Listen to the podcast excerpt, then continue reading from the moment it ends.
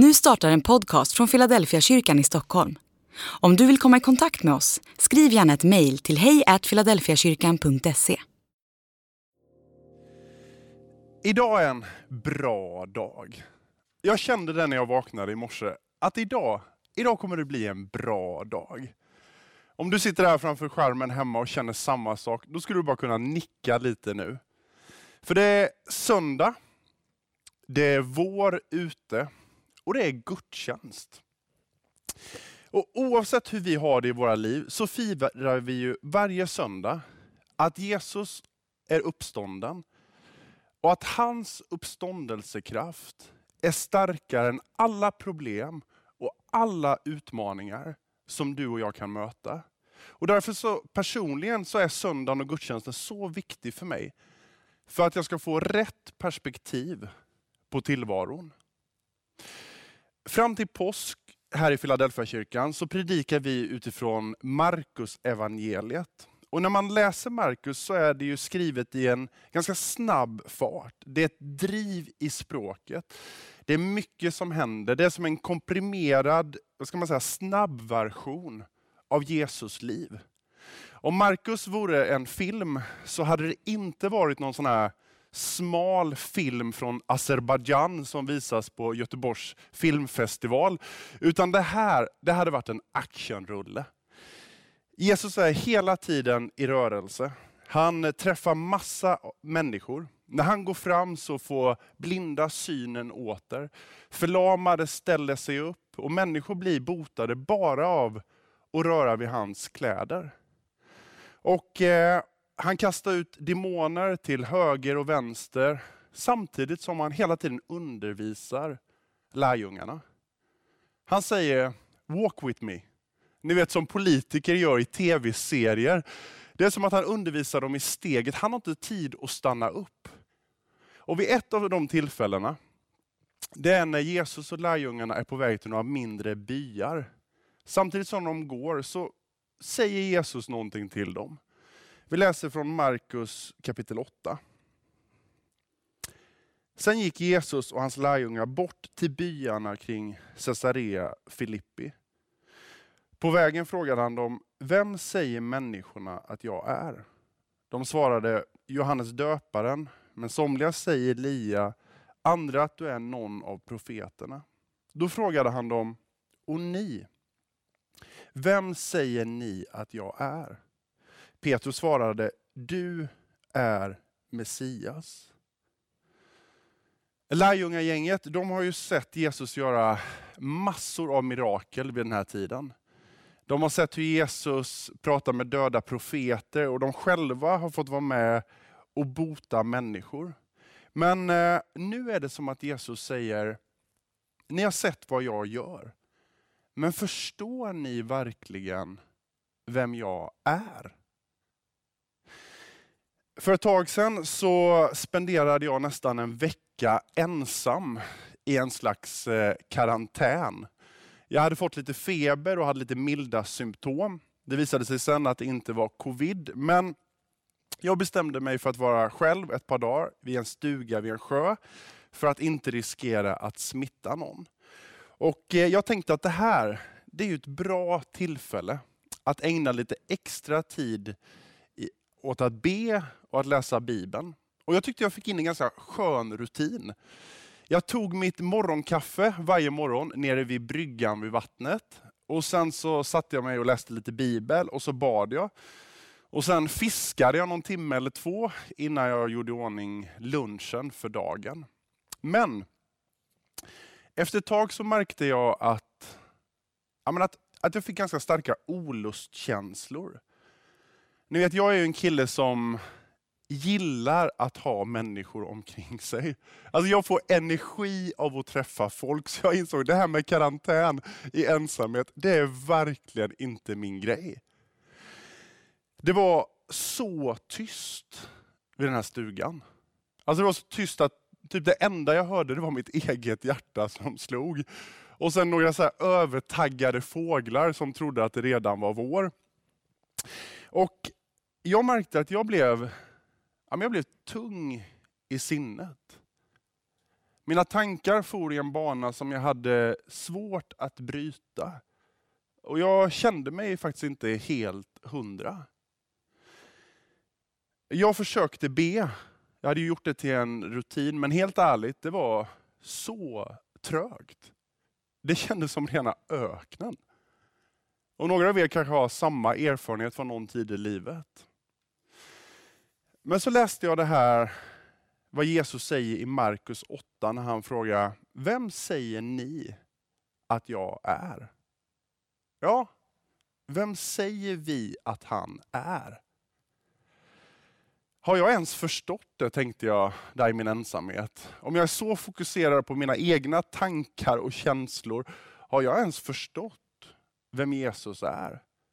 Och så tänkte jag på vad jag själv brukar rekommendera andra. Jag brukar uppmana folk att tacka och prisa Gud för den han är. Oavsett om man känner sig låg eller inte har någon feeling alls. Så tänkte jag att okej, okay, om jag rekommenderar andra att göra det, då får jag göra det själv också. Så även om jag inte kände för det, så gick jag ner mot vattnet och så lyfte jag mina händer lite så här plikttroget, jag är ju ändå pingstvän. Och eh, så började jag tacka Jesus. Tack Jesus för den du är. Tack för att du är mäktig, att du har all makt. Och så gjorde jag det här till en rutin varje morgon.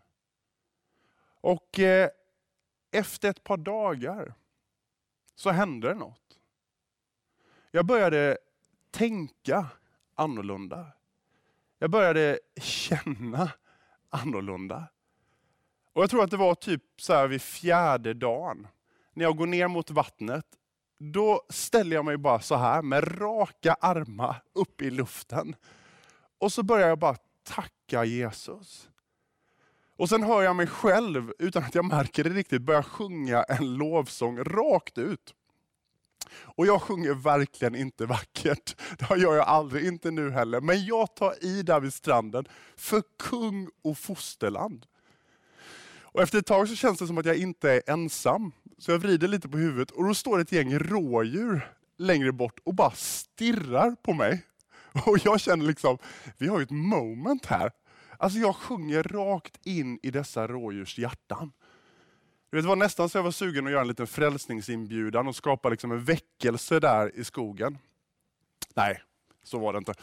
Men det som hände, det var att det hände någonting på min insida. Över de här dagarna så var det som att en helig ande bara vidgade mitt perspektiv. Från det här krampaktiga till det här. För det är så lätt i våra liv. Och det var det som hände med mig. Det är att saker som inte borde få så stort utrymme, det tar allt vårt fokus. Mina tankar, mina känslor påverkas och till och med hur jag ser på Gud. Och Jag hörde någon som sa så här, att perspektiv det är att förstå att det finns en Gud. Och du är inte han. Jag tänker att få perspektiv, det är att säga som Petrus gör på Jesus fråga. Jesus, du är Messias. Jesus, du är frälsaren. Och när jag säger att han är det, då betyder det samtidigt att jag är inte det. Jag är inte den som kan rädda mig själv. Jag är inte den som behöver ha kontroll på allt och koll på allt. Han är Messias. Det finns en sekvens i Apostlagärningarna i kapitel 16. Det är Paulus och hans vän Silas. De har misshandlats och så har de fängslats. Och Det är sen kväll och de, har, de sitter i en cell absolut längst in i fängelset oskyldigt anklagade för någonting som de inte har gjort. Jag kan bara föreställa mig alla de olustkänslor de måste ha känt där i fängelsecellen den här natten. Men så plötsligt så, så säger Paulus, Hej Silas, Är du vaken? Ska, inte, ska, ska vi inte bara Silas ta en stund när vi ber till Gud och sjunger till Gud? Du vet Silas, vi, vi sitter ju i den här cellen men Gud är ju fortfarande på tronen. Ska vi inte bara tacka Jesus för att han har dött och uppstått? Även om vi har tappat kontrollen och sitter här, ska vi inte bara tacka för att han är den som har all kontroll?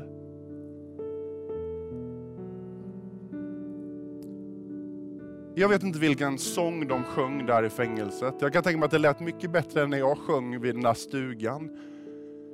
Men kanske lät det ungefär så här.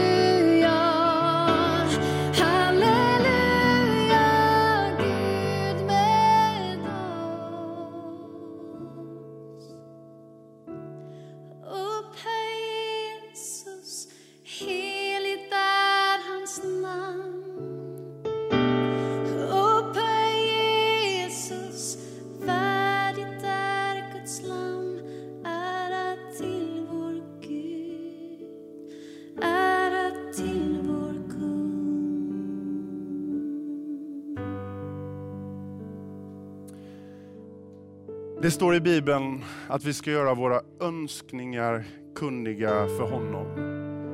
Och när vi ber så ska vi få. Och när vi ber så nämner vi ju alla de behov vi har eller som människor runt omkring oss har. Och det är ju bra. Men om du skulle vilja ha ett nytt perspektiv, då skulle jag vilja uppmana dig att göra precis som Paulus och Silas gjorde. Nämligen att börja tillbe Gud. För tillbedjan, det är när vi riktar vårt fokus till honom som sitter på tronen. Tillbedjan det är när jag släpper fokus på mina utmaningar och mina bekymmer och påminner mig om att han har skapat den här världen. Han är den som har kontroll över allting, även över mitt liv. Jag tror att det är att tacka och prisa som öppnar nya perspektiv för dig och för mig. Och därför skulle jag bara önska att vi nu en stund tillsammans bara tackar och prisar Jesus för den han är. Var gärna med och tacka och var gärna med och lovsjung nu. Jesus, vi vill bara tacka dig för den som du är. Gud, du är den som är god. Du är den som har all makt, du är den som sitter på tronen. Jesus, vi tackar dig för att du är vår kung. Det finns ingen som kan mäta sig med dig. Du är vår Messias, du är vår räddare. Jesus, jag bara ber just nu, ge oss ditt perspektiv över våra liv. Så att vi kan med lyfta händer få ära dig för den du är. Amen.